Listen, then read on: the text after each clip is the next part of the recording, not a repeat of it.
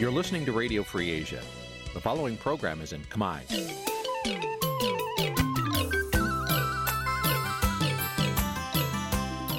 Nǐ chi càm bi tiệp xáy vệt chiu a zì sáy. នេះជាកម្មវិធីផ្សាយរបស់ Vithu Azisari ជាភាសាខ្មែរ វត្តឈូអាស៊ីសេរីសូមស្វាគមន៍លោកអ្នកនាងទាំងអស់ពីរដ្ឋធានី Washington នៃសហរដ្ឋអាមេរិក ចាប់ពីរដ្ឋធានី Washington នាងខ្ញុំម៉ៃសុធានីសូមជម្រាបសួរលោកអ្នកស្ដាប់ទាំងអស់ជាទីមេត្រី ចាយើងខ្ញុំសូមជូនការផ្សាយសម្រាប់ព្រឹកថ្ងៃប្រហ័ស900ខែផុតបុត្រឆ្នាំឆ្លូវត្រីស័កពុទ្ធសករាជ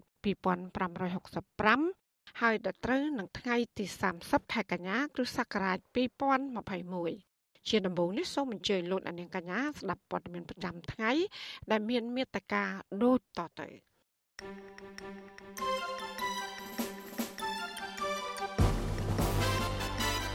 មាជិកសភាអាមេរិកថាច្បាប់ដាក់ទណ្ឌកម្មមន្ត្រីរបបលោកហ៊ុនសែនគឺដើម្បីទូទាត់ថ្លៃបំផ្លាញសេរីភាពបរតខ្មែរ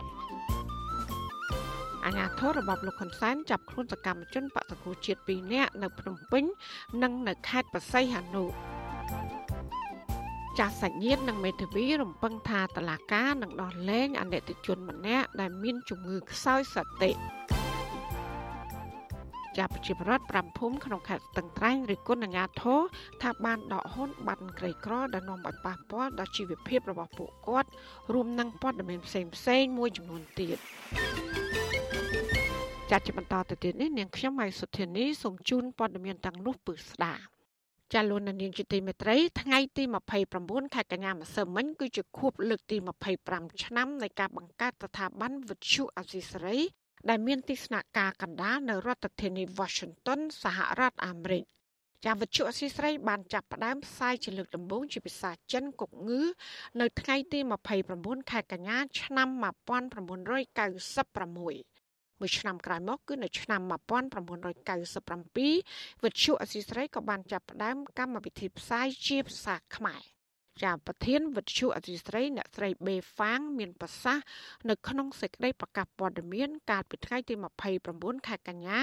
ថាយើងអបអរខួបទី25ឆ្នាំនៃការបង្កើតស្ថាប័នវិទ្យុអសីស្រី។ ចាប់ប៉ុន្មានឆ្នាំកន្លងមកនេះយើងបានឃើញនៅការផ្លាស់ប្ដូរយ៉ាងច្រើន នៅក្នុងប្រវត្តិសាស្ត្រនិងបច្ចេកវិទ្យាដែលបានកែប្រែ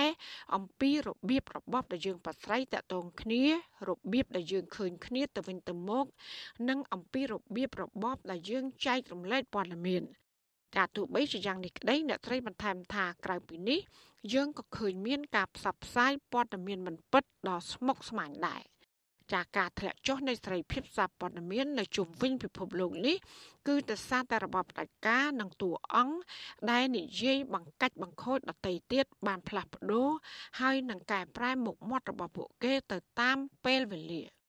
ចាអ្នកស្រីសង្កត់ធ្ងន់ថាបញ្ហានេះហើយដែលធ្វើឲ្យគេឈ្មោះនិងវិជាជីវៈរបស់វិទ្យុអសីស្រីកាន់តែមានសារៈសំខាន់សម្រាប់មនុស្សរាប់លាននាក់ដែលគាំទ្រយើង ដែលនេះជាស្ថាប័នព័ត៌មានប្រកបដោយវិជាជីវៈដោយការទទួលខុសត្រូវនិងផ្ដល់អំណាចដល់អ្នកស្ដាប់និងអ្នកទស្សនារបស់យើង ចាសប្តាហ៍នេះវិទ្យុអស៊ីស្រីបានជួយដល់អ្នកស្ដាប់និងទស្សនាសរុបប្រមាណជា6លាននាក់ជារៀងរាល់សប្តាហ៍ដើម្បីឲ្យទទួលបានព័ត៌មានឯករាជ្យគ្មានការរដ្ឋបិទនិងកម្មវិធីព័ត៌មានវប្បធម៌ដែលត្រូវបានរដ្ឋាភិបាលមួយចំនួនរាំងខ្ទប់ឬក៏មិនអើពើចាត់ចាប់តាំងពីឆ្នាំ1996មកវិទ្យុអស៊ីសេរីបានផ្សាយជាភាសាជាច្រើនទៀតគឺមាន9ភាសាចាក្នុងនោះមានភាសាទីបេ កូរ៉េភូមាវៀតណាមខ្មែរឡាវចិនកន្តាំងអ៊ូហ្គើនិងចិនកុកងឺហើយយើងបានផ្សាយដល់អ្នកស្ដាប់នៅប្រទេសចិនកូរ៉េខាងជើង និងអាស៊ីអាគ្នេយ៍ដែលជាតំបន់មានបរិយាកាសប្រព័ន្ធផ្សព្វផ្សាយអាក្រក់បំផុត នៅក្នុងពិភពលោក ចាក្នុងរយៈពេលប្រមាណឆ្នាំមកនេះវិទ្យុអសីសេរីក៏បានពង្រីកវិសាលភាពផ្សព្វផ្សាយបន្តតាមប្រព័ន្ធអនឡាញដូចជា Bananu និង Why Not Vietnam ជាដើម ទៅដល់ប្រជាប្រដ្ឋនៅប្រទេសបង់ក្លាដេសឥណ្ឌូនេស៊ីថៃម៉ាឡេស៊ីនិងហ្វីលីពីនព្រមទាំងយុវជនដែលនិយាយភាសាចិន នៅទូទាំងពិភពលោក ការវិទ្យុស៊ីស្រីមានអ្នកគ្រប់គ្រងចំនួន30លាននាក់នៅលើបណ្ដាញសង្គមនិងអ្នកចូលរួមទស្សនាវីដេអូក្នុងឆ្នាំ2021នេះដែលមានជាង2008លានដងចានេះឱកាសខួបលើកទី25ឆ្នាំនៃការបង្កើតស្ថាប័នវិទ្យុអសីស្រីនេះក៏មានសមាជិកប្រតិភិនិងតំណាងរដ្ឋាភិបាលអាមេរិកបានចូលរួមក្នុងកម្មវិធីអបអរសាទរនេះដែរ។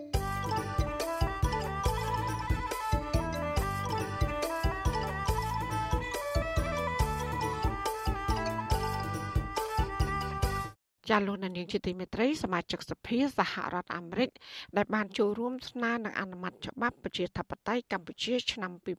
2021ថាច្បាប់ដាក់ទណ្ឌកម្មលើមន្ត្រីរបបលោកហ៊ុនសែននេះគឺដើម្បីទូទាត់ថ្លៃដែលរបបនេះបានបំផ្លាញសេរីភាពរបស់ប្រជាប្រដ្ឋខ្មែរជាប្រធានាធិបតី Washington លោកមួងណារ៉េរាយការណ៍ព័ត៌មាននេះសមាជិកសភាសហរដ្ឋអាមេរិកប្រចាំរដ្ឋកាលីហ្វ័រញ៉ា មកពីខាងគណៈបកប្រជាធិបតេយ្យលោក Alan Lowenthal ថ្លែងនៅក្នុងសេចក្តីប្រកាសព័ត៌មាននៅថ្ងៃដែលរដ្ឋសភាអាមេរិកអនុម័តច្បាប់ប្រជាធិបតេយ្យកម្ពុជាឆ្នាំ2021ឬក៏ HR 4686កាលពីថ្ងៃទី28ខែកញ្ញាថាបើទោះបីជាសហរដ្ឋអាមេរិកនិងសហគមន៍អន្តរជាតិចាត់ការលើរបបលោកហ៊ុនសែនជាច្រើនលើកច្រើនគ្រាយ៉ាងណាក៏ដោយក៏របបផ្ដាច់ការមួយនេះនៅតែបន្តបំផ្លាញដំណើរប្រជាធិបតេយ្យ បំពេញសន្យារបស់ខ្លួន ដែលថាគោរពកិច្ចព្រមព្រៀងសន្តិភាពទីក្រុងប៉ារី អំពីការលើកស្ទួយប្រជាធិបតេយ្យនៅកម្ពុជាលោកបន្តទៀតថារបបលោកហ៊ុនសែនបានបិទប្រព័ន្ធផ្សព្វផ្សាយឯករាជ្យធ្វើទុកបុកម្នេញសកម្មជនបកប្រឆាំងនិងរំលាយគណៈបកប្រឆាំងលុបបំបត្តិចោលការបោះឆ្នោតដោយសេរីត្រឹមត្រូវនិងយុត្តិធម៌រួចហើយបែរជាប្រកាសម្ដងហើយម្ដងទៀតថាខ្លួនលោក ជាមេដឹកនាំដែលពលរដ្ឋខ្មែរជ្រើសរើសដោយសេរី លោកបន្ថែមទៀតថាមិនតែប៉ុណ្ណោះរបបលោកហ៊ុនសែនបន្តធ្វើអ្វីៗគ្រប់យ៉ាងដោយប្រើអំណាចរបស់ខ្លួន ដើម្បីបំផ្លិចបំផ្លាញក្តីសង្ឃឹមនៃលទ្ធិប្រជាធិបតេយ្យនៅកម្ពុជាលោក Alan Lowenthal ថាដើម្បីឲ្យរបបលោកហ៊ុនសែនសងថ្លៃខូចខាតទាំងនេះ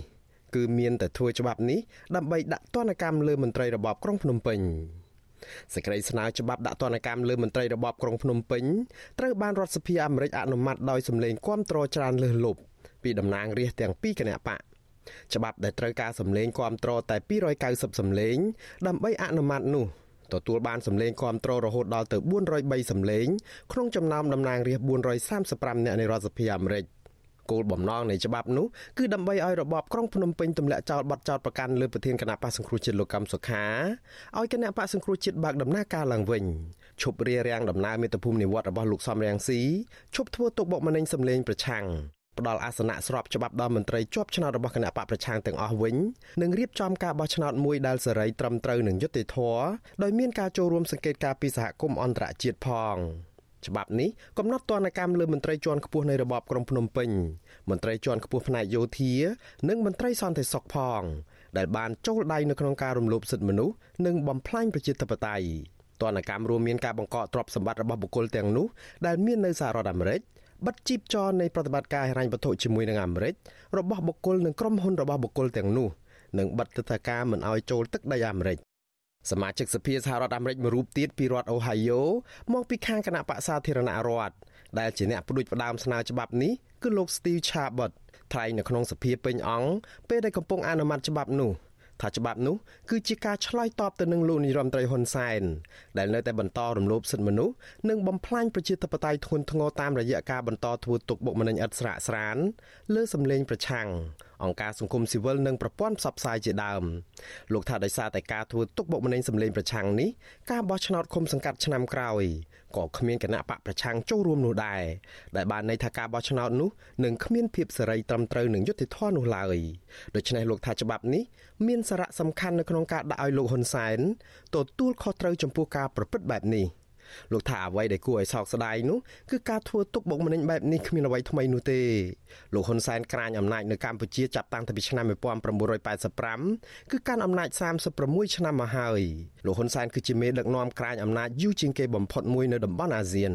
To date, Hun Sen hasn't really faced any stiff consequences for this behavior from the United States and that's embarrassing. លោកហ៊ុនសែនមិនដែលរងទណ្ឌកម្មណាមួយឲ្យចាស់ដៃ ចំពោះទង្វើរបស់គាត់នៅឡើយពីសហរដ្ឋអាមេរិកនេះគឺជារឿងគួរឲ្យអាម៉ាស់មួយដូច្នេះហើយទើបច្បាប់ស្ដីពីប្រជាធិបតេយ្យនៅកម្ពុជានេះដាក់ទណ្ឌកម្មទៅលើបុគ្គលទាំងឡាយណា ដែលចូលដៃក្នុងអំពើតាមទំនឹងចិត្តនិងខុសច្បាប់របស់លោកហ៊ុនសែនក្នុងការបំផ្លាញប្រជាធិបតេយ្យនៅកម្ពុជាការដាក់ទណ្ឌកម្មលើបុគ្គលទាំងនេះឲ្យចំចំ គឺធ្វើឲ្យយើងសង្ឃឹមថាលោកហ៊ុនសែននិងមន្ត្រីរបបនេះ ភ្ញាក់រលឹកនិងដឹងខ្លួនថាអនាគតកម្ពុជា គឺស្ថិតនៅលើមាគ៌ានៃការបោះឆ្នោតមួយដោយសេរីត្រឹមត្រូវនិងយុត្តិធម៌យើងមិនត្រូវភ្លេចទេ ថាជនរងគ្រោះខ្លាំងជាងគេនៅកម្ពុជា ក្នុងកណ្ដាប់ដៃបង្ក្រាបរបស់លោកហ៊ុនសែនគឺប្រជាពលរដ្ឋខ្មែរខ្លួនឯង are the Cambodian people themselves. ឥឡូវច្បាប់នេះបានឆ្លងកាត់កងពាន់ទី1ទៅហើយ នៅពីរកងពាន់ទៀតគឺព្រឹទ្ធសភានិងប្រធានាធិបតីអាមេរិក ទម្រាំច្បាប់នេះឆ្លងកាត់កងពាន់ទី3របបលោកហ៊ុនសែននៅសល់ពេលដើម្បីទប់កុំឲ្យច្បាប់នេះចេញបានដោយព្រមងាកមកស្ដារសិទ្ធិមនុស្សនិងប្រជាធិបតេយ្យឡើងវិញបើទោះបីជាយ៉ាងនេះក្តីមន្ត្រីរបបក្រុងភ្នំពេញស្រែកដង្ហើយរកយុតិធធដោយចាត់ទុកការអនុម័តច្បាប់នេះថាជាការចោទប្រកាន់មកលើរដ្ឋាភិបាលកម្ពុជាទាំងបំពេញប្រធានអង្គភិបអ្នកណែនាំពីរដ្ឋាភិបាលកម្ពុជាលោកផៃស៊ីផានសរសេរសារលើ Facebook របស់លោកកាលពីថ្ងៃទី29ខែកញ្ញា ថាការផ្ដោតលើការដាក់ទណ្ឌកម្មលើមន្ត្រីរដ្ឋាភិបាលកម្ពុជាបែបនេះគឺជាការចោទប្រកាន់យ៉ាងអយុត្តិធម៌ប្រឆាចពីការពិតជាក់ស្ដែង និងជាការប្រកាន់រើសអើងគ្រាដែលកម្ពុជា កំពុងតែខិតខំប្រឹងប្រែងកសាងនៅរបបនីតិរដ្ឋដែលជាកិច្ចប្រាជ្ញារបស់ខ្លួនដើម្បីសង្គមខ្មែរជាសង្គមប្រជាធិបតេយ្យលោកផៃស៊ីផានព្រមានថាច្បាប់នេះនឹងធ្វើឲ្យល្អក់កកដល់ទំនាក់ទំនងនិងកិច្ចសហប្រតិបត្តិការទ្វេភាគីរវាងប្រទេសកម្ពុជានិងសហរដ្ឋអាមេរិក បើទោះបីជាច្បាប់នេះត្រូវឆ្លងព្រឹទ្ធសភាមួយជាន់ទៀតទម្រាំដល់ដៃប្រធានាធិបតីអាមេរិកក៏លោកផៃស៊ីផានសង្ឃឹមថាលោកប្រធានាធិបតីអាមេរិកโจ Biden នឹងមិនចុះហត្ថលេខាលើច្បាប់នេះនោះទេលោកផៃស៊ីផានសំអាងថាតំណាងសហរដ្ឋអាមេរិកលោកស្រី Wendy Sherman អនុរដ្ឋមន្ត្រីការបរទេសដែលទើបនឹងធ្វើទស្សនកិច្ចនៅកម្ពុជាកាលពីខែមិថុនាថាបានបង្ហាញយ៉ាងជាក់ស្ដែងនៅការពង្រឹងកិច្ចសហប្រតិបត្តិការដើម្បីផលប្រយោជន៍រួមនៃប្រជាជាតិទាំងពីរ ផ្ទុយពីការអះអាងរបស់លោកផៃស៊ីផានទំនាក់ទំនងរវាងសហរដ្ឋអាមេរិកនិងប្រទេសកម្ពុជា មានភាពល្អក់កកខ្លាំងតាំងពីរបបក្រុងភ្នំពេញរំលាយគណៈបកសង្គ្រោះជាតិនិងបានបណ្ដេញអង្គការសង្គមស៊ីវិលអាមេរិកមួយឈ្មោះថា NDI ចេញពីកម្ពុជាមិនតែប៉ុណ្ណោះសហរដ្ឋអាមេរិកក៏មិនពេញចិត្តដែលកម្ពុជាងាកខ្លាំងទៅរកចិនកុម្មុយនីសរហូតសង្ស័យពីការអនុញ្ញាតឲ្យទ័ពចិនប្រើប្រាស់ដីខ្មែរជាមូលដ្ឋានទ័ពថែមទៀតផង។ មួយខែក្រោយដំណើរទស្សនកិច្ចរបស់រដ្ឋមន្ត្រីការបរទេសអាមេរិកទៅកម្ពុជានោះសហរដ្ឋអាមេរិកបានផ្តាច់អាហារូបករណ៍និស្សិតខ្មែរចំនួន6នាក់ដោយសារតែភាពល្អក់កកផ្នែកទំនាក់ទំនងយោធាអាមេរិកនិងកម្ពុជាបើទោះបីជាយ៉ាងនេះក្តីលោកហ៊ុនសែនមិនទាន់ហួសពេលនៅក្នុងការងាកមកស្ដារសិទ្ធិមនុស្សនិងប្រជាធិបតេយ្យឡើងវិញដើម្បីបញ្ជៀសទណ្ឌកម្មនេះទេបើលោកហ៊ុនសែនមានឆន្ទៈចង់ជួយប្រជាពលរដ្ឋខ្មែរមែននោះ។ អនុប្រធានគណៈបកសង្គ្រោះជាតិអ្នកស្រីមូសុកហួរថាជោគវាសនារបស់ប្រជាពលរដ្ឋកម្ពុជាគឺស្ថិតនៅក្នុងដៃរបស់លោកហ៊ុនសែនថាតើលោកចង់ឲ្យប្រជាពលរដ្ឋរងទុក្ខវេទនាតទៅទៀតឬក៏ចង់ឲ្យកម្ពុជាមានប្រជាធិបតេយ្យឡើងវិញជៀសផុតពីទណ្ឌកម្មផ្សេងផ្សេងយើងចង់ឲ្យចំណេញទាំងអស់គ្នាយើងចង់ឲ្យឈ្នះទាំងអស់គ្នាចូលរួមជាមួយគ្នាមិនយឺតពេលទេ មានតែតាមរយៈការបោះឆ្នោតដោយសេរីត្រឹមត្រូវនិងយុត្តិធម៌ដែលមានការចូលរួមពីគណៈបកសង្គ្រោះជាតិដោយស្មារតីគ្នាទេទើបយើងឃើញថាទុនកម្មពីអន្តរជាតិទាំងអាចបញ្ចប់និងបន្ថយបានយើងមិនអាចជួយលោកហ៊ុនសែនបានទេ មានតែលោកហ៊ុនសែនទេដែលអាចជួយខ្លួនឯងហើយជាពិសេសគឺជួយពលរដ្ឋខ្មែរផងជួយប្រទេសជាតិយើងផងកន្លងមកសេចក្តីស្នើច្បាប់ដាក់ទណ្ឌកម្មមន្ត្រីរបបក្រុងភ្នំពេញ ធ្លាប់បានឆ្លងកាត់កងពាន់ទី1និងទើត្រឹមព្រឹទ្ធសភា ដែលជាកងពាន់ទី2ចំនួន2ដងមកហើយក៏ប៉ុន្តែលើកនេះច្បាប់នេះត្រូវបានចាត់ទុកជាការប្រញាប់និងគាំទ្រដោយសម្លេងលើសលប់ពីតំណាងរាស្ត្រសហរដ្ឋអាមេរិកពេលច្បាប់នេះទៅដល់ដៃព្រឹទ្ធសភា វាត្រូវការសម្លេងតែ51ប៉ុណ្ណោះនៅក្នុងចំណោមសមាជិកព្រឹទ្ធសភា100នាក់ដើម្បីអនុម័តបើទោះបីជាយ៉ាងនេះក្តីគេនៅមិនទាន់ដឹងច្បាស់ថាតើត្រូវចំណាយពេលយូរប៉ុណ្ណាទៀតទើបសេចក្តីស្នើច្បាប់នេះ អាចចេញរួចពីដៃព្រឹទ្ធសភារួចបញ្ជូនទៅឲ្យប្រធានាធិបតីអាមេរិកចុះហត្ថលេខាខ្លាយជាច្បាប់ឬក៏អាចជាប់កាំងម្ដងទៀតឬក៏យ៉ាងណានោះទេវិទ្យុអាស៊ីសេរីកំពុងតែព្យាយាមតាក់ទងស្ថាប័នរដ្ឋសភានិងព្រឹទ្ធសភាអាមេរិកដើម្បីសុំការពន្យល់បន្ថែមជុំវិញបញ្ហានេះក្នុងពេលជាមួយគ្នានេះអ្វីដែលគេដឹងច្បាស់នោះគឺថារបបក្រុងភ្នំពេញកំពុងតែចាយលុយជាតិរាប់សែនដុល្លារដើម្បីបញ្ចុះបញ្ចូលមន្ត្រីអាមេរិកនិងទប់កុំឲ្យចេញច្បាប់ដាក់ទណ្ឌកម្មលើមន្ត្រីរបបនេះ។ ខ្ញុំបាទមុងណារ៉េត With you Azizi Saray ប្រធានាធិបតី Washington ចាលោកនាងកញ្ញាកំពុងស្ដាប់ការផ្សាយរបស់វិទ្យុអស៊ីសេរីផ្សាយចេញពីរដ្ឋធានី Washington ក្រុមហ៊ុនអូស្ត្រាលីឈ្មោះ Renaissance Mineral Cambodia បានទទួលសិទ្ធិវិនិយោគពីរដ្ឋាភិបាល ក្នុងការរុករករ៉ែមាសនៅតំបន់អូខ្វាយខេត្តមណ្ឌលគិរីតើមន្ត្រីសង្គមស៊ីវិលនិងជនជាតិដើមភាគតិចភ្នង មានសំណូមពរអ្វីខ្លះដល់រដ្ឋាភិបាលជំវិញចំណូលពីរ៉ែមាសនេះចាសសូមលោកអ្នកនាងកញ្ញារងចាំស្ដាប់សេចក្តីរាយការណ៍ពិស្ដារពីរឿងនេះនៅក្នុងការផ្សាយរបស់យើងនាពេលបន្តិចទៀតនេះចាសសូមអរគុណ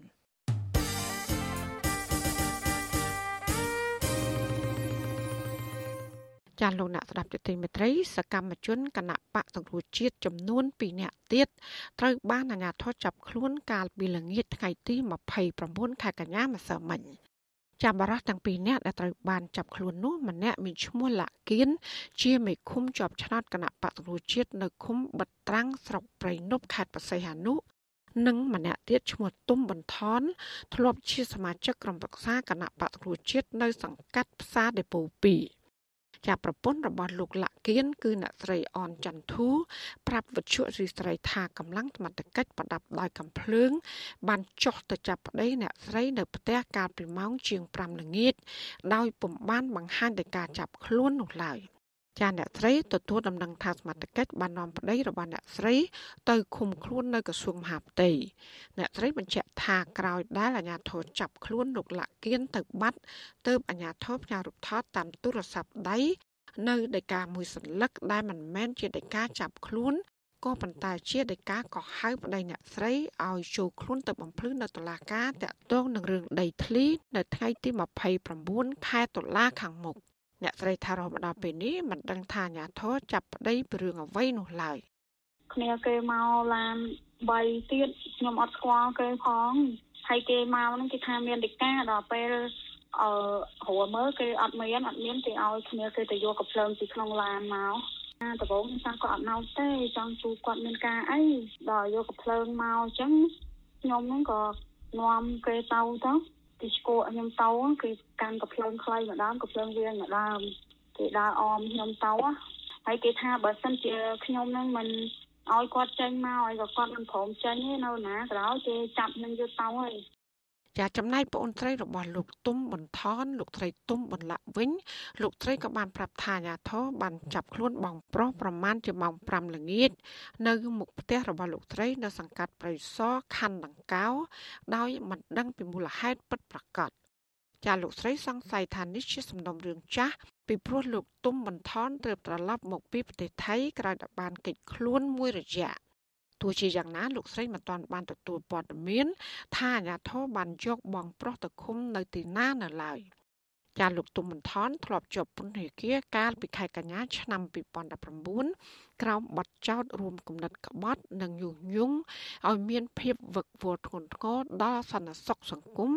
តាក់ទងនឹងការចោទប្រកាន់ថាបានទៅទទួលយកផែនការពីលោកសំរងស៊ីនៅប្រទេសម៉ាឡេស៊ីកាលពីខែសីហាឆ្នាំដដែលនោះ ដើម្បីប្រឆាំងនឹងសេចក្តីសម្រេចរំលាយគណៈបកសង្គ្រោះជាតិ ចាគិតត្រឹមម៉ោងផ្សាយនេះវិទ្យុអសីស្រីនៅមិនទាន់អាចតកតងអ្នកនាំពាក្យអគ្គស្នងការនគរបាលជាតិលោកឆៃកំខឿនដើម្បីសុំអត្ថាធិប្បាយជុំវិញករណីដែលចាប់ខ្លួនសកម្មជនបកសង្គ្រោះជាតិទាំងពីរនាក់នេះបាននៅឡើយទេមកដល់ពេលនេះមានសកម្មជនរបស់គណៈបក្សប្រជាជាតិចំនួនជាង80នាក់ហើយដែលត្រូវបានអាជ្ញាធរចាប់ដាក់ពន្ធនាគារ ចាំពួកគេត្រូវបានចាប់ប្រកាន់ពីបទរួមគំនិតក្បត់ និងញុះញង់ឲ្យមានភាពវឹកវរធ្ងន់ធ្ងរដល់សន្តិសុខសង្គមចានៅទន្ទឹមនេះមានសកម្មជនបកនេះប្រមាណជាជាង30នាក់ផ្សេងទៀតត្រូវបានគេលុបវាយឲ្យរងរបួសធ្ងន់ធ្ងរជាបន្តបន្ទាប់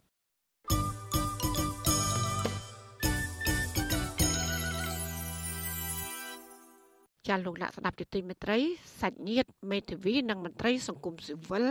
រំពឹងថាសាលាដំបងរាជធានីភ្នំពេញនឹងសម្រេចក្តីដោយយុត្តិធម៌ក្នុងការដោះលែងយុវជនកសវណ្ណឆៃឲ្យមានត្រីភាពឡើងវិញចាក្តីសង្ឃឹមនេះធ្វើឡើងក្រោយដែលតឡាកាបានបើកសវនាការលើសំណុំរឿងកូនប្រុសរបស់សកម្មជនបពប្រឆាំងម្នាក់ដែលមានជំងឺខ្សោយសតិ កាលពីថ្ងៃទី29ខែកញ្ញាក្នុងបទចោទញុះញង់និងផ្ដើមគំនិតជេរប្រមាថរដ្ឋាភិបាលចាលោកសនចន្ទរដ្ឋារាយការណ៍ព័ត៌មាននេះពីរដ្ឋធានី Washington ក្នុងសវនាការពីមួយព្រឹកប្រធានក្រុមប្រឹក្សាចំនួនចម្រះលោកអ៊ូងវុធាបានគ្រវីក្បាលសឹងគ្រប់ចម្លើយដែលយុវជនកសវណ្ណឆៃបានឆ្លើយតបនឹងសំណួររបស់ចៅក្រម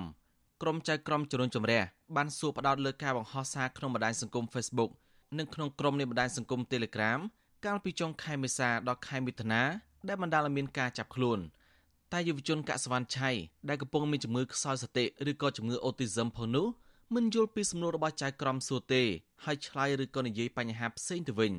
បើទោះបីជាចៅក្រមបានព្យាយាមសួរបញ្ជាក់ច្រើនដងឬប្រើសំណួរផ្សេងក៏ដោយម្ដាយយុវជនកសវណ្ណឆៃគឺស្រីព្រំចន្ទថាត្រូវបានចៅក្រមអនុញ្ញាតឲ្យចូលស្ដាប់សវនាការនិងធ្វើជាសាក្សីនៅក្នុងសំណុំរឿងនេះ ឲ្យដឹងថាការដែលយុវជនកសវណ្ណឆៃឆ្លើយមន្ត្រីសំណួររបស់ចៅក្រមដោយសារកូនស្រីមានបញ្ហាខ្សោយខួរក្បាលឬក៏ជំងឺអូទីសឹមពីកំណើតលោកស្រីអះអាងថាស្ថានភាពជំងឺនេះបានវិវត្តកាន់តែធ្ងន់ធ្ងរក្រោយពេលដែលយុវជនកសវណ្ណឆៃជាប់ឃុំជាង3ខែមុននេះលោកស្រីបន្តថានៅពេលដែលចៅក្រមសួរយូរទៅកសវណ្ណឆៃចាប់ផ្ដើមភ័យស្លុតទម្លាក់ទឹកមុខចុះនិងឡាយឆ្លើយតបនឹងសំណួររបស់ចៅក្រមទៀតក្រៅពីបញ្ហាខួរក្បាលយុវជនរូបនេះ ក៏ទ្រុឌទ្រង់បញ្ហាសុខភាពដោយអ្នកជាប់ឃុំផ្សេងទៀតដែរចំពោះការរស់នៅក្នុងពន្ធនាគារមកពីវិញយុវជនរូបនេះតែងតែអង្គុយសិញ្ជឹងតែម្នាក់ឯងហើយម្ដងម្កាលច្រៀងលេងតែម្នាក់ឯងជាដើមលោកស្រីព្រំចន្ទថាដឹងថាកូនប្រុសស្គមស្គាំងហើយមានការកន្ទួលរមាស់ពេញខ្លួនក្នុងបន្ទប់សវនាការនៅថ្ងៃដដែលបើទោះបីជាយុវជនកសវណ្ណឆៃឆ្លើយមន្ត្រីសំណួររបស់ចៅក្រមយ៉ាងនេះក៏ដោយក៏បរិយាញ្ញារងលោកហុងកំសាននៅតែព្យាយាមដាក់បន្ទប់បន្ថែមលើយុវជនកសវណ្ណឆៃដដែល តំណាងអัยការរំនេះបានអះអាងចំនួនអ្នកជំនាញវិទ្យាសាស្ត្រថាយុវជនកសវណ្ណឆៃមានសុខភាពល្អហើយមានការរៀនសូត្រខ្ពង់ខ្ពស់ជាដើមបើទោះបីជាណាលោកស្រីព្រំចន្ទថាជឿជាក់ថាតឡាការនឹងដោះលែងកូនប្រុសឲ្យមានសេរីភាពឡើងវិញ នៅថ្ងៃប្រកាសសារក្រមថ្ងៃទី13ខែតុលាឆ្នាំនេះ ថ្ងៃប្រកាសសារក្រមហ្នឹងថ្ងៃ13ខែ10ហ្នឹងខ្ញុំគិតថាគាត់គួរនឹងតម្រឹមឬក៏ដោះលែងកូនខ្ញុំឲ្យមានសេរីភាពឡើងវិញចាដើម្បីឲ្យគាត់មករៀនសូត្រវិញព្រោះឥឡូវសាលាក៏ចិត្តបើកវិញហើយអញ្ចឹងកូនខ្ញុំនៅក្មេងកំពុងតែមានការសិក្សាអញ្ចឹងពេលគាត់គាត់ខ្ញុំទៅខ្ញុំមានអារម្មណ៍ថាអាកាសរើសអើងរើតែមានហើយពេលមករៀនវិញមិនដឹងថាគាត់ប្រឈមមុខនឹងអ្វីខ្លះទេចាខ្ញុំគិតថាទុកឲ្យគាត់ដោះលែងកូនខ្ញុំវិញមកចាក្នុងពេលសវនាការនេះមិនមានសកម្មភាពតវ៉ាឬក៏ការពង្រាយកងកម្លាំងសន្តិសុខខណ្ឌ7មករានៅខាងក្រៅសាលាដំបងរាជធានីភ្នំពេញនោះទេ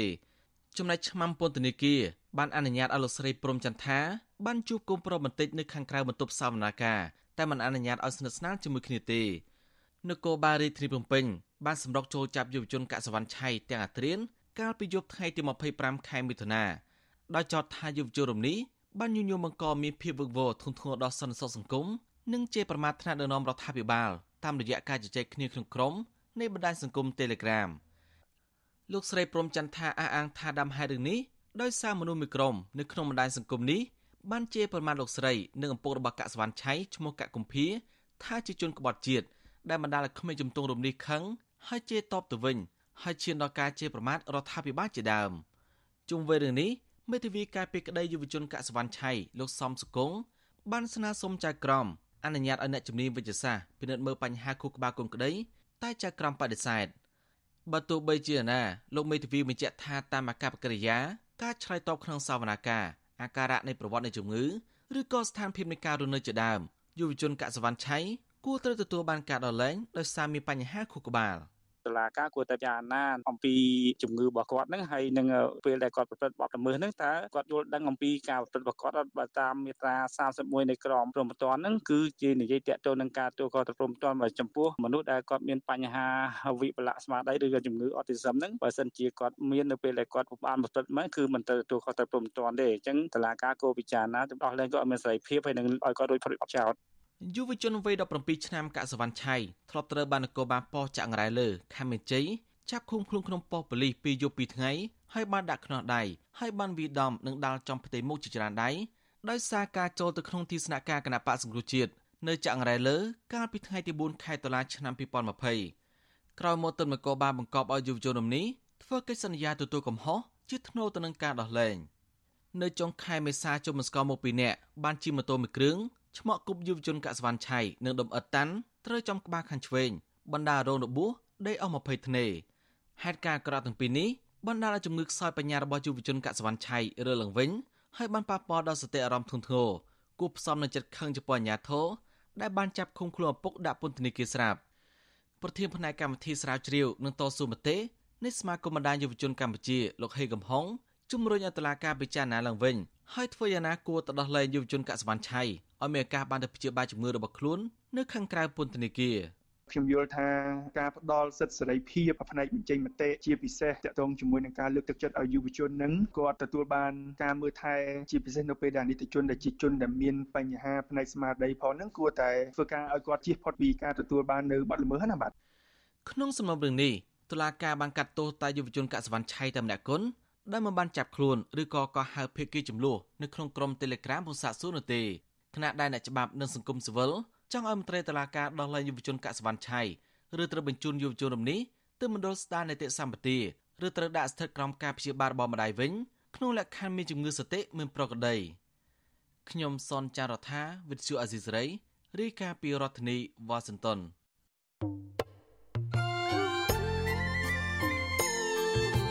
ចាលោកនាងកញ្ញាជាទីមេត្រីក្រៅតែពីការតាមដាន កម្មវិធីផ្សាយរបស់វិទ្យុអាស៊ីសេរី តាមបណ្ដាញសង្គម Facebook YouTube Telegram លោកអ្នកក៏អាចតាមដាន កម្មវិធីផ្សាយរបស់យើង តាមរយៈបណ្ដាញសង្គម Instagram របស់អាស៊ីសេរីបាន តាមរយៈតំណ link www.instagram.com/rfa ខ្មែរ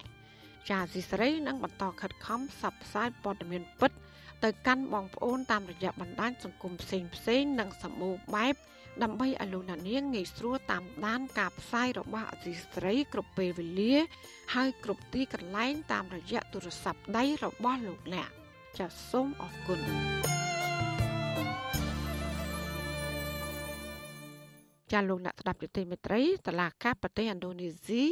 នៅមិនទាន់សម្រេចយ៉ាងណានៅឡើយទេជុំវិញប្រេងឆៅជិត3សែនធុងដែលត្រូវបានគេដឹកចេញពីកម្ពុជាចាំមន្ត្រីសង្គមស៊ីវិលយល់ឃើញថាករណីនេះនៅតែជារឿងអាស្រូវដ៏ធំសម្រាប់កម្ពុជាបើសិនជារដ្ឋាភិបាលមិនអាចនាំយកប្រេងឆៅទាំងនោះត្រឡប់មកកម្ពុជាវិញបាន ចាលោកសេចបណ្ឌិតរាយការណ៍ពុស្ដាអំពីរឿងនេះដូចតទៅ សំណុំរឿងដឹកប្រេងឆៅជិត3សែនធុងពីកម្ពុជា បានវិវត្តមួយជំហានទៀតហើយក៏ប៉ុន្តែនៅមិនទាន់មានដំណោះស្រាយជាក់លាក់សម្រាប់កម្ពុជានៅឡើយទេតុលាការឥណ្ឌូនេស៊ីកាលពីថ្ងៃទី22កញ្ញាបានសម្រេចផ្តន្ទាទោសអ្នកបើកនាវាដឹកប្រេង Strovolos ដែលជាជនជាតិបង់ក្លាដេសឲ្យជាប់ពន្ធនាគារ15ថ្ងៃ និងពិន័យជាប្រាក់ប្រមាណ7000ដុល្លារពីបទសម្ចតនាវាក្នុងដែនទឹកឥណ្ឌូនេស៊ីដោយគ្មានការអនុញ្ញាត អ្នកគ្រប់គ្រងនាវារូបនោះនឹងត្រូវជាប់ពន្ធនាគារមួយខែបន្ថែមទៀតប្រសិនបើគាត់មិនបង់ប្រាក់ផាកពិន័យសារព័ត៌មានអនឡាញ Bena News របស់វិទ្យុអាស៊ីសេរីរាយការណ៍ថាក្រៅពីការផ្ដន់ទាទោសអ្នកគ្រប់គ្រងនាវានេះហើយអាញាធរឥណ្ឌូនេស៊ីបានសម្រេចឃុំខ្លួននាវិកចំនួន19នាក់ទៀតដើម្បីសាកសួរតបតាមសំណើរបស់ភាគីកម្ពុជា ដែលស្នើសុំឲ្យចាប់នាវា Strovolo និងក្រុមនាវិក បញ្ជូនទៅកម្ពុជាវិញដំណើរការសាកសួរនេះបានចាប់ផ្ដើមតាំងពីថ្ងៃទី25ខែកញ្ញាទោះយ៉ាងណាជុំវិញសំណើរបស់ភាគីកម្ពុជា ដែលសូមឲ្យបញ្ជូនប្រេងឆៅត្រឡប់មកកម្ពុជាវិញនេះអាញាធរឥណ្ឌូនេស៊ីមិនទាន់បានសម្រេចយ៉ាងណានៅឡើយទេកងទ័ពជើងទឹកឥណ្ឌូនេស៊ីបញ្ជាក់ថាករណីនេះជាឆន្ទានុសិទ្ធិរបស់ការិយាល័យរដ្ឋអាជ្ញានិងតុលាការឥណ្ឌូនេស៊ីជុំវិញរឿងនេះ ស្ថាបនិកចលនាមេដាធម្មជាតិនិងជាសកម្មជនបរិស្ថានជនជាតិអេស្ប៉ាញលោក Alejandro Gonzalez Davidson យល់ថាបើចង់ឲ្យតុលាការឥណ្ឌូនេស៊ីបញ្ជូនប្រេងឆៅទាំងនោះមកកម្ពុជាវិញលុះត្រាតែរបបលោកហ៊ុនសែនបញ្ជូនភ័ស្តុតាងគ្រប់គ្រាន់ឲ្យទៅភៀកគីឥណ្ឌូនេស៊ី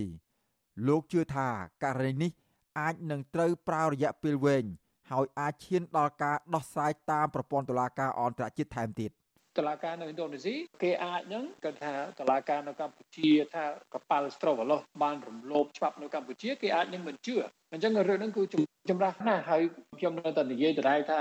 มันងាយមានដំណោះស្រាយណាមួយល្អសម្រាប់ប្រទេសកម្ពុជា ជាពិសេសប្រេងឆៅដែលបាត់ទៅហើយនោះគឺมันងាយមកវិញទេហើយបើមកវិញគឺយូរឆ្នាំម្យ៉ាងវិញទៀតលោកអាលិចអះអាងថា ការប្រើយន្តការប្រព័ន្ធច្បាប់អន្តរជាតិនេះរដ្ឋាភិបាលអាចនឹងចំណាយពេលវេលាយូរ និងអស់ថវិកាច្រើនជាងតម្លៃប្រេងឆៅដែលបាត់បង់ជិត3សែនធុងមានតម្លៃជាង20លានដុល្លារនោះទៅទៀតវិទ្យុអាស៊ីសេរីនៅពុំទាន់អាចតាក់ទងអគ្គនាយកដ្ឋានប្រេងកាតនៃក្រសួងរ៉ែនិងធម្មពលលោកជាបសួរដើម្បីសាកសួរអំពីរឿងនេះបានទេ នៅថ្ងៃទី29ខែកញ្ញា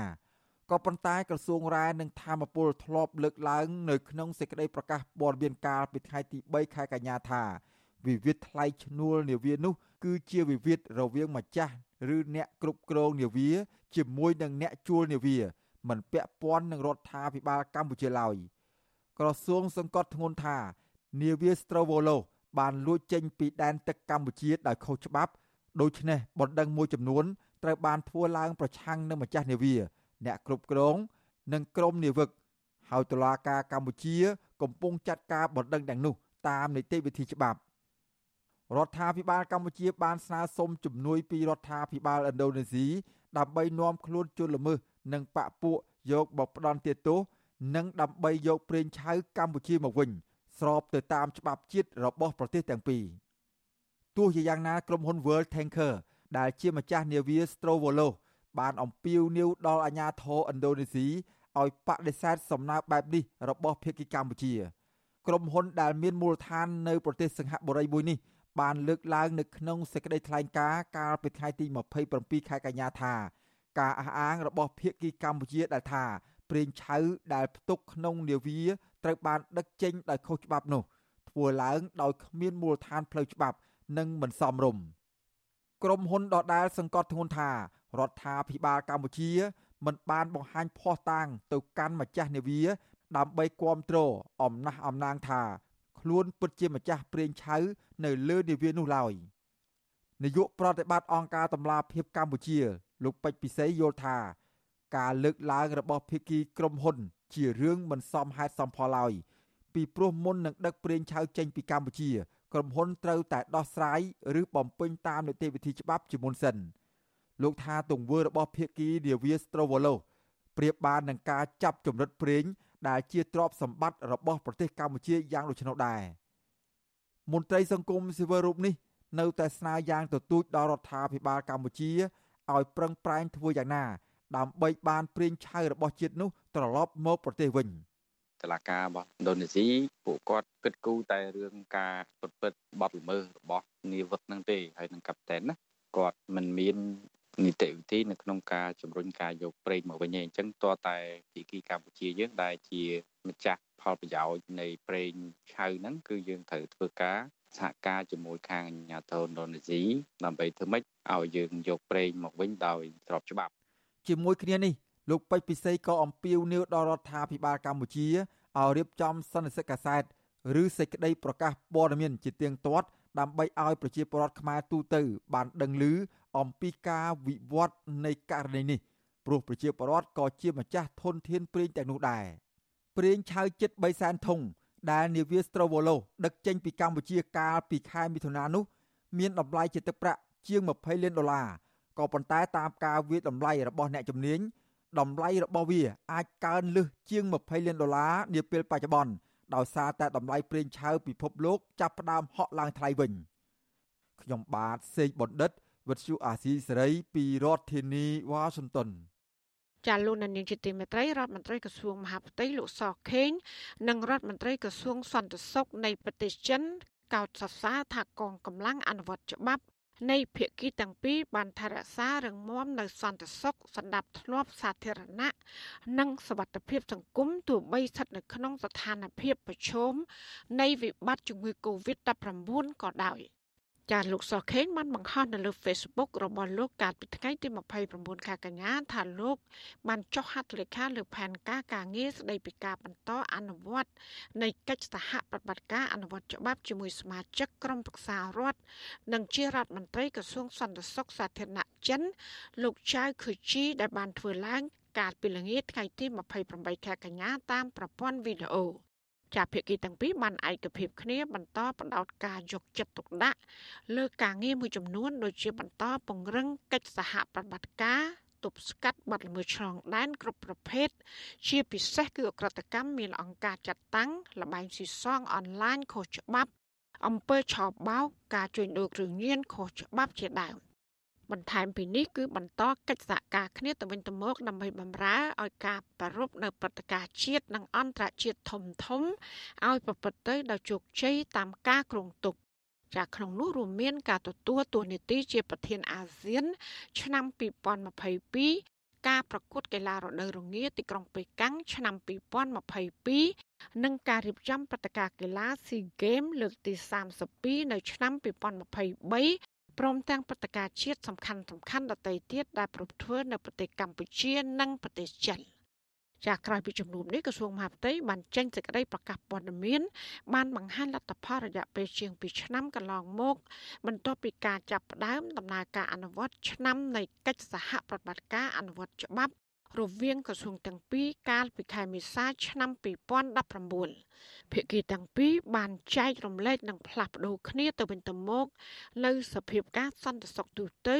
ព្រមទាំងបានកត់សម្គាល់នៅវឌ្ឍនភាពនៃកិច្ចសហប្រតិបត្តិការប្រកបដោយផ្លែផ្កាការជួយគ្រប់គ្រងគ្នាទៅវិញទៅមក ក្នុងការប្រយុទ្ធប្រឆាំងការរាតត្បាតនៃជំងឺ Covid-19 ការជួយឧបត្ថម្ភគ្រប់គ្រងផ្នែកសម្ភារៈបច្ចេកទេស ការងារកសាងសមត្ថភាពកងកម្លាំងការផ្លាស់ប្តូរទស្សនកិច្ចប្រតិភូជំនាញជាពិសេសគឺកិច្ចសហការទប់ស្កាត់និងបង្ក្រាបបទល្មើសឆ្លងដែនគ្រប់ប្រភេទ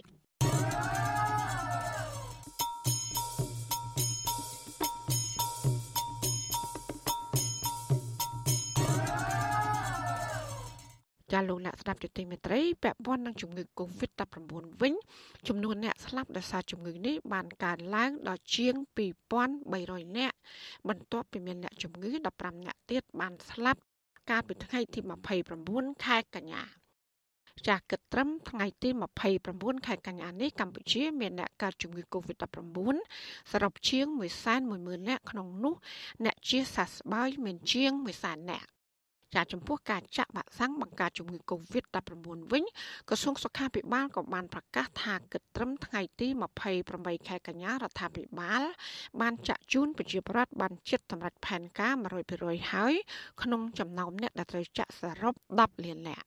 ចាចំណែកកុមារនិងយុវជនដែលមានអាយុពី6ឆ្នាំដល់17ឆ្នាំវិញ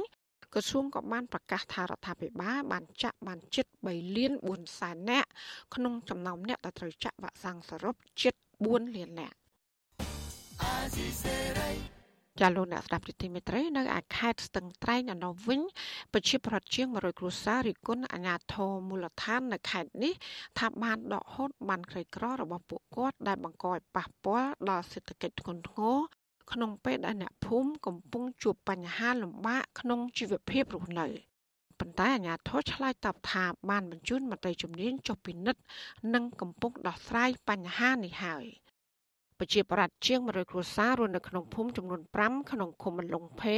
ស្រុកថាឡាបរិវត្តបន្តទាមទារអាជ្ញាធរខេត្តស្ទឹងត្រែងផ្ដល់បានក្រីក្រជូនពួកគាត់វិញដើម្បីសម្រាលទុក្ខវេទនារបស់អ្នកភូមិដែលកំពុងប្រឈមជីវភាពទីទាល់ខ្លាំងនិងគ្មានប្រាក់ទិញស្បៀងអាហារចិញ្ចឹមជីវិតក្នុងពេលកំពុងរាលដាលនៃជំងឺ Covid-19 ចាប់បរដ្ឋរស់នៅក្នុងភូមិមលងភេឃុំមលងភេលោកស្រីអ៊ូនផាលី ឲ្យដឹងនៅថ្ងៃទី29ខែកញ្ញាថាអាញាធមូលដ្ឋាន បានដកហូតបានក្រីក្ររបស់លោកស្រី តាំងពីខែមករាឆ្នាំ2021ហើយមកដល់ពេលនេះនៅមិនទាន់ប្រកាសជូនលោកស្រីវិញឡើយ។លោកស្រីបន្តថាមុនពេលដែលអាជ្ញាធរមិនទាន់ដកហូតបានក្រីក្រគ្រួសាររបស់លោកស្រីបានទទួលប្រាក់ជំនួយពីរដ្ឋាភិបាល ជិត20000រៀលក្នុងមួយខែអស់រយៈពេល4ខែ ហើយប្រាក់ទាំងនេះជួយសម្រាប់ជីវភាពបានខ្លះក្នុងគ្រាអាសន្ននេះក៏ប៉ុន្តែនៅរយៈពេល9ខែចុងក្រោយនេះគ្រួសាររបស់លោកស្រីមិនបានទទួលជំនួយពីរដ្ឋាភិបាលនោះទេដោយសារតែគ្មានបានក្រីក្រ។ ហើយខ្ញុំទៅបើកលុះខ្ញុំបើកបាន 4K លេងគេដកបានគេក្រោយខ្ញុំសួរមីភូមិខ្ញុំថាអ៊ំគេដកទៅធ្វើអីបាននោះដល់ពេលគេថាអត់អីទេក្មួយគេដកទៅពិនិត្យមើលសិននេះហើយស្អែកក្មួយឯងអាចទៅសុំគេវិញបានក៏និយាយចេះឥឡូវអត់ទាន់អោយទៀតហើយចាគ្រួសារខ្ញុំហើយដូចថាស្អីប្តីខ្ញុំឈឺណាមួយក៏អត់ចេះរស់អីហើយរស់តែខ្ញុំក៏អត់ហូបនិយាយទៅតាំងពីប្តីខ្ញុំឈឺខ្ញុំមានបានដាំសូដាំអីណាដីឆាំឆាំនេះឯណា កាលពីថ្ងៃទី27ខែកញ្ញាប្រជាប្រដ្ឋប្រមាណជា50នាក់បានលើកគ្នាតវ៉ានៅសាលាខេត្តស្ទឹងត្រែងដើម្បីស្នើសុំបានក្រីក្រមកវិញក៏ប៉ុន្តែមន្ត្រីសាលាខេត្តបានប្រាប់ពួកគាត់ឲ្យទៅសុំកិច្ចអន្តរាគមន៍ពីអាជ្ញាធរស្រុកថាឡាបរិវត្តវិញក៏ប៉ុន្តែនៅគ្រាដែលពួកគាត់ទៅសុំកិច្ចអន្តរាគមន៍នៅអាជ្ញាធរស្រុកអាជ្ញាធរបានប្រាប់អ្នកភូមិថាឲ្យត្រឡប់មកផ្ទះវិញសិន ហើយមន្ត្រីជំនាញនឹងចុះទៅសម្ភាសបរដ្ឋម្ដងទៀតដើម្បីដោះស្រាយបញ្ហានេះចាឆ្លើយតបរឿងនេះអ្នកនាំពាក្យសាលាខេត្តស្ទឹងត្រែងលោកម៉ែនគង់ប្រាប់វិទ្យុអសិសរីថារដ្ឋបាលខេត្តបានបញ្ជូនមន្ត្រីជំនាញចុះជួបប្រជាពលរដ្ឋដល់មូលដ្ឋានរួចហើយដើម្បីធ្វើការវិតម្លៃហើយនឹងដោះស្រាយចាលោកបញ្ជាក់ថាកន្លងទៅ មានប្រជាពលរដ្ឋមួយចំនួន បានឯកភាពគ្នាផ្តិតមេដៃដកហូតបានក្រីក្រជាមួយនឹងអាជ្ញាធរមូលដ្ឋាន ក៏ប៉ុន្តែយ៉ាងណាអភិបាលខេត្តបានបញ្ជាឲ្យក្រុមការងារចុះវិតម្លៃនិងសិក្សាតាមខ្នងផ្ទះនីមួយៗដែលប្រតិមទាហើយបើសិនរកឃើញថាបរដ្ឋពិតជាខ្វះខាតជាក់ស្ដែងមែនអាជ្ញាធរនឹងអនុវត្តតាមនីតិវិធីក្រុមការងារចុះទៅជួបជាមួយនឹងឃុំហើយទៅជួបពួកគាត់តាមគ្រួសារនៅតាមក្នុងផ្ទះហ្នឹងដើម្បីធ្វើការវាតម្លៃមើលសមស្របទៅតាមអ្វីដែលគាត់បានឯកភាពគ្នាជាមួយឃុំការដកអត់ដៃ ពួកខ្ញុំបានឃើញគាត់ប្រឌិតមានឯកលើលិខិតមួយដែលឯកភាពក្នុងការដកហូតយកបានក្រីក្រចាជំវិញរឿងនេះមន្ត្រីសម្របសម្រួលសមាគមអាត់ហុកខេត្តតឹងត្រែងលោកប៊ីវ៉ានីយល់ថាប៉ះសិនបការដកហូតបានក្រីក្ររបស់អាជ្ញាធរធ្វើឡើងមិនត្រឹមត្រូវគឺនឹងប៉ះពាល់ដល់គោលនយោបាយរបស់រដ្ឋាភិបាលដែលកំពុងផ្ដល់ថវិកាជាតិជួយបរិវត្តក្រីក្រងាយរងគ្រោះជាក់ស្ដែងបន្ទាប់ពីការរីករាលដាលនៃជំងឺ Covid-19 ចាលោកថាអាញាធរខេត្តតឹងត្រែងគួរតែស្រាវជ្រាវឲ្យបានច្បាស់លាស់និងដោះស្រាយឲ្យបានត្រឹមត្រូវធ្វើយ៉ាងណាឲ្យបរដ្ឋក្រីក្រពិតប្រាកដបានទទួលជំនួយមនុស្សធម៌ពីរដ្ឋាភិបាលតាមរយៈបានក្រីក្រនេះយើងយើងត្រូវធ្វើការស៊ើបអង្កេតហើយរកដំណោះស្រាយណាមួយឲ្យពិតប្រាកដជាក់លាក់ចំពោះប្រជាពលរដ្ឋខ្ញុំបើសិនជាប្រជាពលរដ្ឋគាត់ក្រីក្រពិតប្រាកដមែនគួរតែផ្ដល់បានក្រីក្រឬក៏ជំនួយឧបត្ថម្ភកូវីដនឹងដល់ប្រជាពលរដ្ឋនឹងឡើងវិញដើម្បីបង្កើនទំនុកចិត្តដល់ប្រជាពលរដ្ឋហើយក៏ ធ្វើឲ្យស្របនឹងគោលនយោបាយរបស់រដ្ឋាភិបាលដែរហើយធ្វើឲ្យប្រជាពលរដ្ឋមានទំនុកចិត្តនឹងការដោះស្រាយរបស់អាជ្ញាធរចាកាលពីដើមឆ្នាំ2020លោកនាយករដ្ឋមន្ត្រីហ៊ុនសែនធ្លាប់អះអាង ថារដ្ឋាភិបាលបានត្រៀមប្រាក់រហូតដល់ទៅ2000លានដុល្លារអាមេរិកដើម្បីដោះស្រាយបញ្ហាប្រជាពលរដ្ឋដែលជួបការលំបាកដោយសារតែវិបត្តិជំងឺ Covid-19 ចាក្រសួងផែនការអះអាងថាមានបរិវត្តក្រីក្រនិងមានបានក្រីក្រ តែជាង1លាននាក់ឬស្មើជាង560,000គ្រួសារប៉ុណ្ណោះនៅទូទាំងប្រទេសការចែកបានក្រីក្រនេះរងការរិះគន់ពីប្រជាពលរដ្ឋថាធ្វើឡើងមិនស្មើភាពនិងប្រកាន់បពួកខ្សែស្រឡាយអាញាធរភូមិឃុំហើយនឹងរើសអើងនយោបាយផងដែរ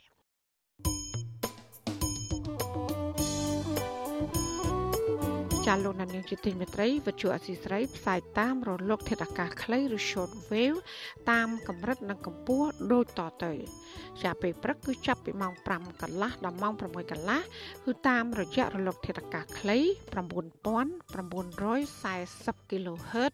ស្មើនឹងកម្ពស់ 30ម៉ែត្រចាសម្រាប់ពេលយប់វិញចាប់ពីម៉ោង7កន្លះដល់ម៉ោង8កន្លះគឺតាមរយៈរលក ធាតុអាកាសខ្លី 9960 kHz ស្មើនឹងកម្ពស់ 30ម៉ែត្រហើយនឹង11240 kHz ស្មើនឹងកម្ពស់ 25ម៉ែត្រចាសសូមអរគុណ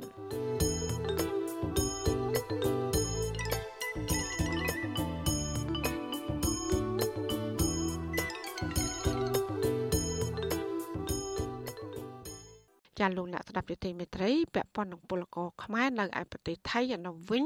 មន្ត្រីសង្គមស៊ីវិលស្នើឲ្យរដ្ឋាភិបាលថៃបន្ថយការអនុវត្តច្បាប់ទៅលើពលករខ្មែរដែលកំពុងធ្វើការខុសច្បាប់ក្នុងពេលដែលមានវិបត្តិជំងឺ Covid-19 នេះជាសំណើនេះក្រោយពីរដ្ឋាភិបាលថៃសម្រេចអនុញ្ញាតឲ្យពលករខ្មែរដែលកំពុងរស់នៅខុសច្បាប់ក្នុងប្រទេសថៃអាចដាក់ពាក្យស្នើសុំ តាមប្រព័ន្ធអនឡាញដើម្បីធ្វើជាពលករស្របច្បាប់ជាបន្តទៀតចាសសូមលោកនាងស្ដាប់សេចក្តីរាយការណ៍របស់លោកជាតិចំណានជំវិញបញ្ហានេះមន្ត្រីសង្គមស៊ីវិលធ្វើការពាក់ព័ន្ធគាំពៀសិទ្ធិពលករខ្មែរនៅប្រទេសថៃអំពាវនាវឲ្យពលករខ្មែរដែលកំពុងរស់នៅខុសច្បាប់ក្នុងប្រទេសថៃត្រូវប្រញាប់បំពេញបែបបទចុះឈ្មោះតាមប្រព័ន្ធអនឡាញដើម្បីស្នើសុំធ្វើជាពលករស្របច្បាប់ពីអាជ្ញាធរថៃឲ្យបានទាន់ពេល។ មន្ត្រីផ្នែកអន្តោប្រវេសន៍ប្រចាំប្រទេសថៃនៃមជ្ឈមណ្ឌលសម្ព័ន្ធភាពការងារនិងសិទ្ធិមនុស្សដែលហៅកាត់ថាសង្ត្រាល់លោកលឹងសុផុនប្រាប់វិសុអេស៊ីសរ៉ៃនៅថ្ងៃទី29ខែកញ្ញាថារដ្ឋាភិបាលថៃសង្កេតឃើញថាបច្ចុប្បន្នមានពលករខ្មែរជាច្រើនអ្នកកំពុងធ្វើការខុសច្បាប់ក្នុងប្រទេសថៃក្នុងពេលមានវិបត្តិជំងឺ Covid-19 ហេតុនេះអាជ្ញាធរថៃប្រកាសឲ្យពលករខ្មែរគួរបំពេញបែបបទស្នើសិទ្ធិសុំធ្វើការស្របច្បាប់ជាថ្មីទៀតលោកបញ្ជាក់ថាសេចក្តីប្រកាសនេះមានសុពលភាពរយៈពេល1ខែប៉ុណ្ណោះ ទន្ទឹមនឹងនេះលោកថាឧបសគ្គច្រើន ដែលពលករខ្មែរមួយចំនួនមិនអាចបំពេញបែបបទបានដោយសារតែខ្វះខាតថវិកានិងប្រឈមបញ្ហាផ្សេងផ្សេងជាមួយនឹងថការជំនឿថៃជាដើមលោកបញ្ជាក់ថាពលករខ្មែរដែលចុះឈ្មោះតាមប្រព័ន្ធអនឡាញត្រូវចំណាយប្រាក់ចន្លោះពី400ទៅ500ដុល្លារសម្រាប់ពលករម្នាក់ម្នាក់ដើម្បីទទួលបានប័ណ្ណការងារធ្វើការស្របច្បាប់រយៈពេល2ឆ្នាំ ខ្ញុំគិតថាវាផលប្រយោជន៍ល្អសម្រាប់បងប្អូនដែលមិនទាន់បានសិទ្ធិពេញលេញកន្លងមកបងតែផ្ទុយទៅវិញកាលណាតារដ្ឋាភិបាលថៃគាត់ធ្វើការបើកឲ្យគាត់ចុះតាមប្រព័ន្ធអនឡាញអីអញ្ចឹងហាក់បីដូចជាបង្ហាញនៅដំណឹងដល់បងប្អូនពលករនៅស្រុកខ្មែរខ្លះឬថាខាងថៃហ្នឹងគាត់បើកអញ្ចឹងមានន័យថាគាត់ចង់មករកការងារធ្វើចង់មករកអីហ្នឹងក៏ជាបញ្ហាប្រឈមមួយដែរកាលពីថ្ងៃទី28ខែកញ្ញាគណៈរដ្ឋមន្ត្រីថៃបានសម្រេចឲ្យពលករខ្មែរ ដែលកំពុងធ្វើការខុសច្បាប់អាចបន្តដាក់ពាក្យស្នើសុំតាមប្រព័ន្ធអនឡាញដើម្បីធ្វើការងារជាពលករស្របច្បាប់រយៈពេល2ឆ្នាំគិតចាប់ពីថ្ងៃទី28ខែកញ្ញាដល់ថ្ងៃទី28ខែតុលាឆ្នាំ2021ការសម្រេចនេះដោយសារតែរដ្ឋាភិបាលថៃមើលឃើញថាក្នុងរយៈពេលមានវិបត្តិជំងឺ Covid-19 មានពលករខ្មែរជាច្រើនអ្នកបានជាប់គាំងក្នុងប្រទេសថៃកំពុងធ្វើការងារខុសច្បាប់ជុំវិញរឿងនេះវិសុអាស៊ីសេរី មិនអាចសុំការបញ្ជាក់ពីមន្ត្រីទូតខ្មែរប្រចាំប្រទេសថៃនិងអ្នកនាំពាក្យក្រសួងការងារលោកហេងសួរដើម្បីសុំការអធិប្បាយបញ្ហានេះបានទេនៅថ្ងៃទី29ខែកញ្ញាពលករម្នាក់កំពុងធ្វើការក្នុងក្រុងវ៉ាងកកលោកស្រីមេថានីសាទរចំពោះដំណឹងនេះប៉ុន្តែលោកស្រីបារម្ភថាពលករខ្មែរភាគច្រើនខ្វះខាតថវិកាដើម្បីធ្វើបានការងារស្របច្បាប់រយៈពេល2ឆ្នាំនេះប្រការនេះលោកស្រីអំពាវនាវឲ្យរដ្ឋាភិបាលថៃមេត្តាបន្ធូរបន្ថយប្រាក់ធ្វើបានការងារព្រោះអំឡុងពេលនេះ ពួកគាត់ពុំសូវមានការងារធ្វើទៀងទាត់នោះទេលើពីនេះទៀតបច្ចុប្បន្នមានពលករខ្មែរច្រើនកំពុងធ្វើការខុសច្បាប់និងភ័យខ្លាចប៉ូលីសថៃចាប់ខ្លួនបញ្ជូនទៅខ្មែរវិញក្នុងគ្រាអាសន្ននេះរដ្ឋាភិបាលថៃវិញចង់គាត់ធ្វើថយខាងផ្នែកខាងហ្នឹងដែរព្រោះពលករធ្វើការទៅបានប្រាក់អីប្រហែលទេគាត់គាត់យកថ្លៃទៅក៏អាចមាន សមត្ថភាពធ្វើសម្រាប់អ្នកខ្លាចហ្នឹងគាត់អត់មានឯកសារគ្រប់គ្រាន់គាត់ខ្លាចពិបាកវេទនាមែនទែនយើងចំពិបាកខ្លាំងសេចក្តីជូនដំណឹងរបស់គណៈរដ្ឋមន្ត្រីថៃឲ្យដឹងថាអាញាធរថៃនឹងចុះត្រួតពិនិត្យការដ្ឋានសាងសង់រោងចក្រសហគ្រាសនិងកន្លែងធ្វើការដើម្បីផ្ដល់ដំបូន្មានពីសុខភាពសាធារណៈដល់ថៅកែនិងពលករចំណាក់ស្រុករយៈពេល30ថ្ងៃ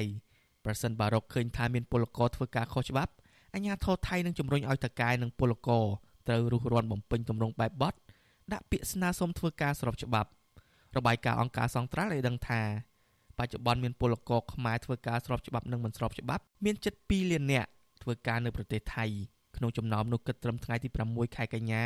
ក្រសួងសុខាភិបាលថៃបានរកឃើញពលករខ្មែរជាង23000នាក់ឆ្លងជំងឺ Covid-19 ខ្ញុំបាទជាចំណាន Visual Assisray ពីរដ្ឋធានី Washington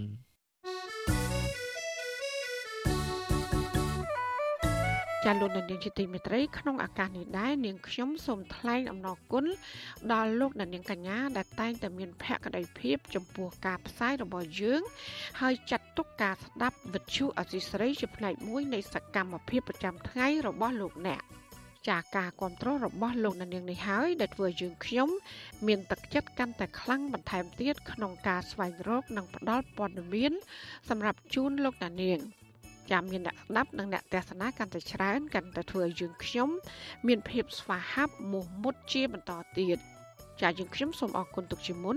ហើយក៏សូមអញ្ជើញលោកដានៀងកញ្ញាចូលរួមជំរុញសកម្មភាពផ្តល់ព័ត៌មានរបស់យើងនេះឲ្យកាន់តែបានជោគជ័យបន្ថែមទៀត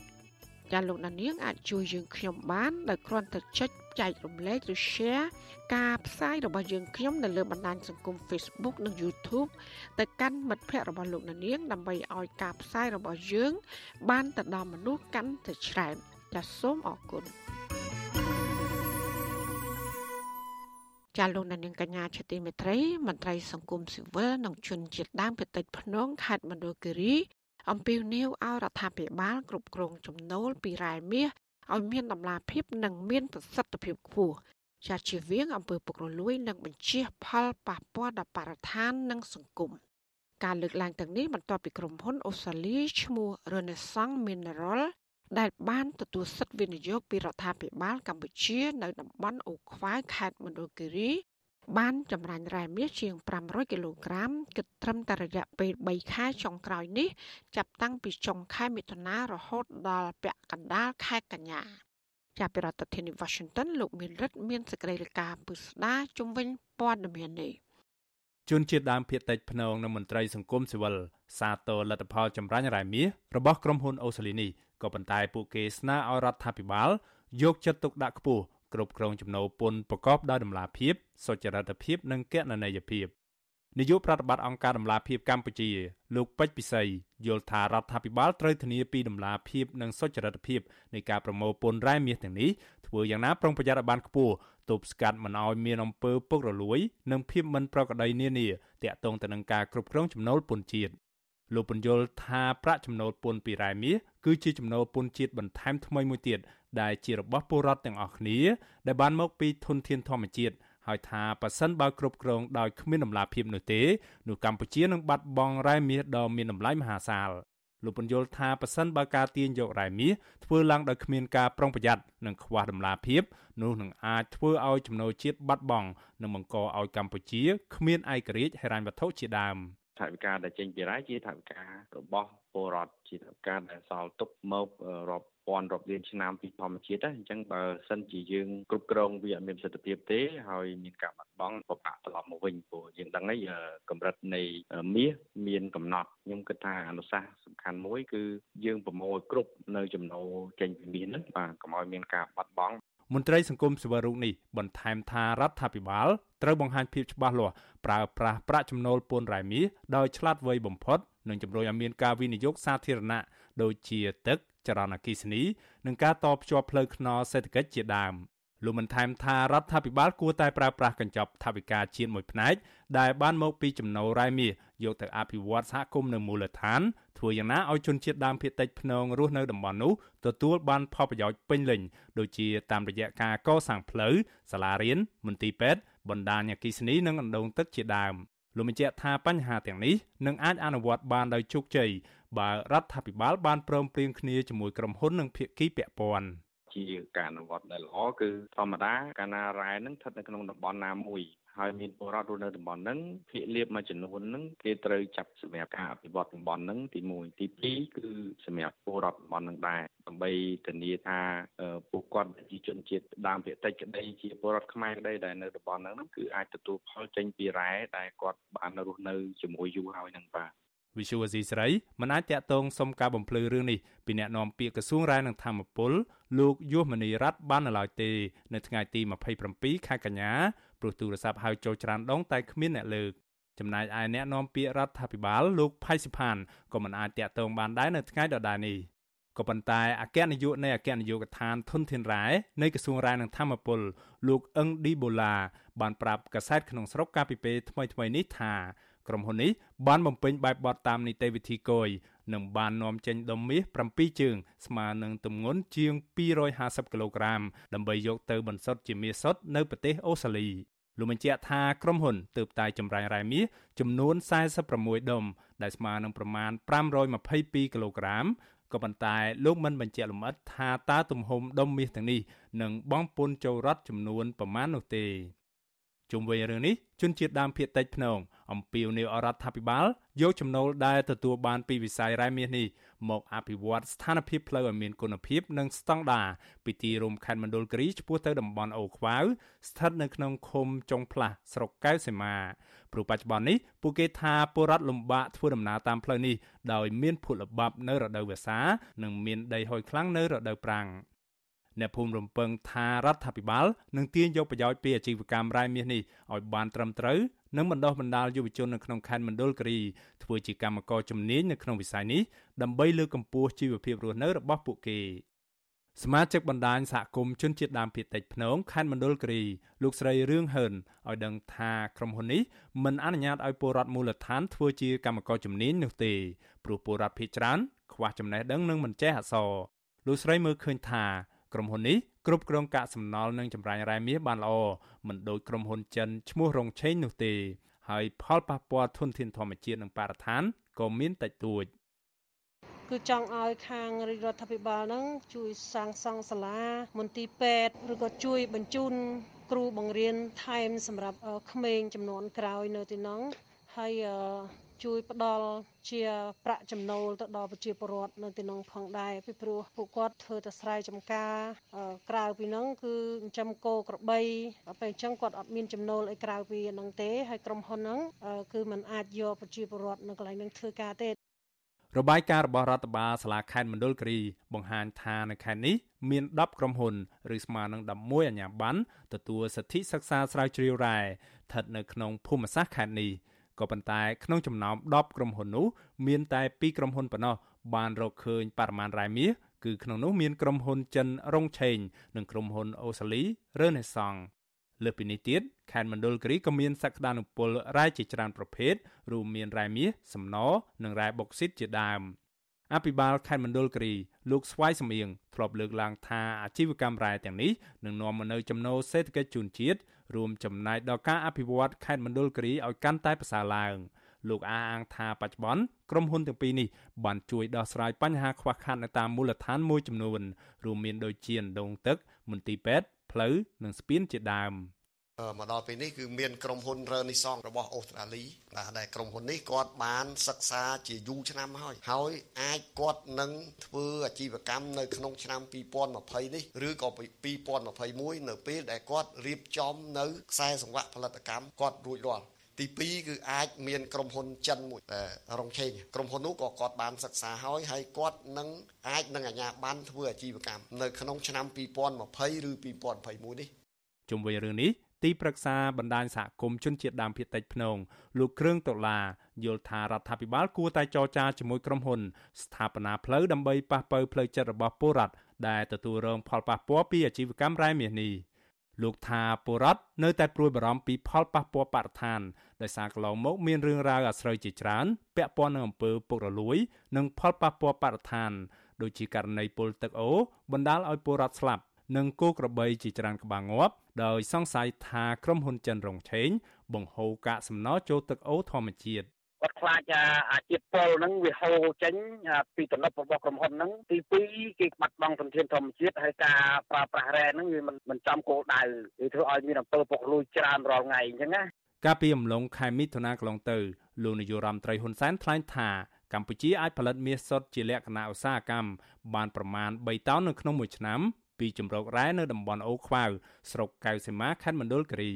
លោកអះអាងថាផលិតកម្មរ៉ែមាសនេះអាចផ្ដល់ចំណូលដុលជាមធ្យមប្រមាណជិត200លានដុល្លារនៅក្នុងមួយឆ្នាំហើយរដ្ឋអាចរកចំណូលចូលថវិកាជាតិបានពីសួយសារនិងសារពើពន្ធផ្សេងៗជាមធ្យមប្រមាណ40លានដុល្លារនៅក្នុងមួយឆ្នាំ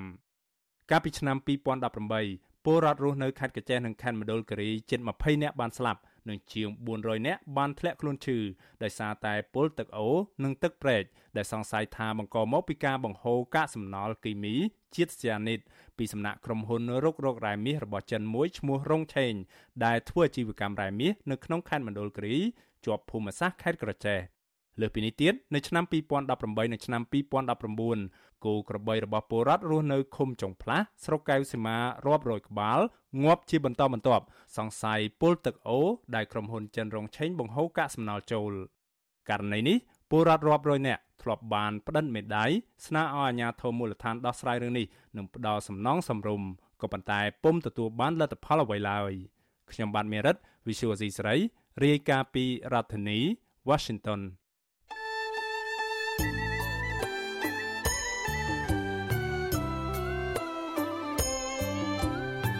ចាលោកនាងកញ្ញាអ្នកស្ដាប់យុតិមេត្រីកັບផ្សាយរយៈពេល1ម៉ោងនៃវិទ្យុអាស៊ីស្រីជាភាសាខ្មែរនៅពេលនេះចាប់តែប៉ុណ្ណេះចាយើងខ្ញុំទាំងអស់គ្នាសូមជូនពរលោកនាងព្រមទាំងក្រុមគូសាទាំងអស់សូមជួបប្រកបតែនឹងសេចក្តីសុខសេចក្តីចម្រើន ជានិរន្តរ៍ចានាងខ្ញុំម៉ៃសុធានីព្រមទាំងក្រុមការងារទាំងអស់នៃវិទ្យុអាស៊ីស្រីសូមអរគុណនិងសូមជម្រាបលា